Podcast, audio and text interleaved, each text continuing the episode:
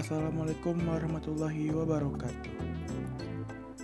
Halo semuanya, perkenalkan, nama saya Muhammad Faisata dari jurusan Ilmu Komunikasi Universitas Andalas. Di sini saya akan menjelaskan terkait dari teori ketergantungan media. Teori ini pertama kali dirumuskan oleh Sandra Bell Rockich dan Marvin Devlur pada tahun 1976. Teori ini berlandaskan pada sebuah dasar literatur sosiologi klasik, di mana media dan penggunanya harus dipelajari di dalam konteks sistem sosial yang lebih besar. Sistem ketergantungan media ini terikat dalam suatu hubungan timbal balik pada sistem sosial yang luas.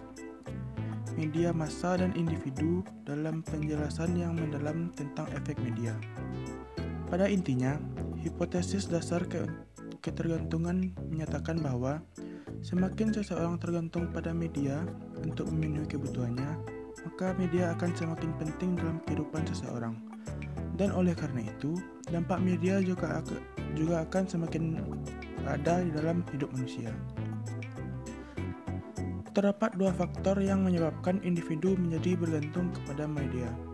Yang pertama, Individu akan menjadi bergantung pada media jika beberapa kebutuhannya terpenuhi da daripada yang memenuhi kebutuhan secara sedikit.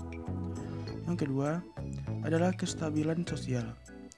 Keyakinan akan muncul bila jika ditendang, sebaliknya, jika sudah mulai stabil, ketergantungan terhadap media akan semakin menurun.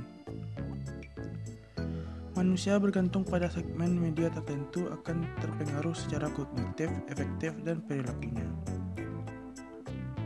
Media sendiri merupakan alternatif yang dapat digunakan masyarakat untuk memberikan dan mencari informasi. Bahkan, masyarakat kini lebih tergantung dengan media sosial ketimbang dengan media mainstream dalam mencari informasi.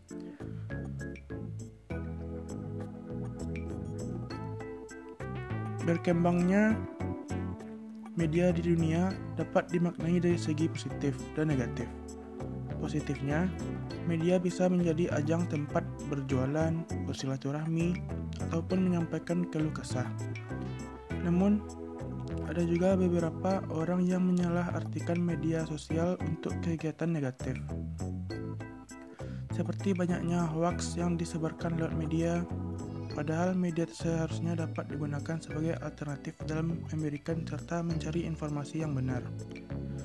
Jika kita hubungkan pada situasi pandemi COVID-19 yang melanda dunia saat ini, masyarakat memerlukan informasi dan pemberitaan yang dapat dipercaya dari media. Untuk meluruskan banyaknya berita bohong atau hoax yang berkembang di tengah wabah virus corona atau COVID-19. Dalam masa pandemi saat ini, media harus dapat memenuhi kebutuhan informasi tentang COVID-19.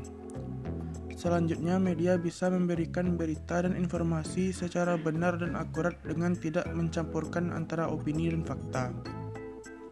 Selama menjalani PSBB, kita dianjurkan untuk berada di rumah saja.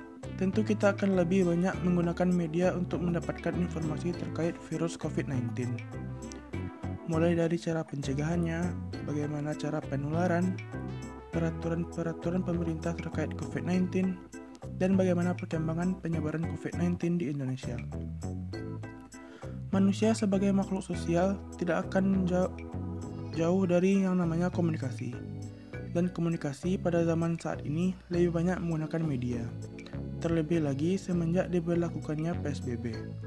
Tetapi, kita sebagai makhluk sosial tidak boleh terlalu bergantung pada media yang dapat merenggangkan hubungan dengan orang-orang sekitar.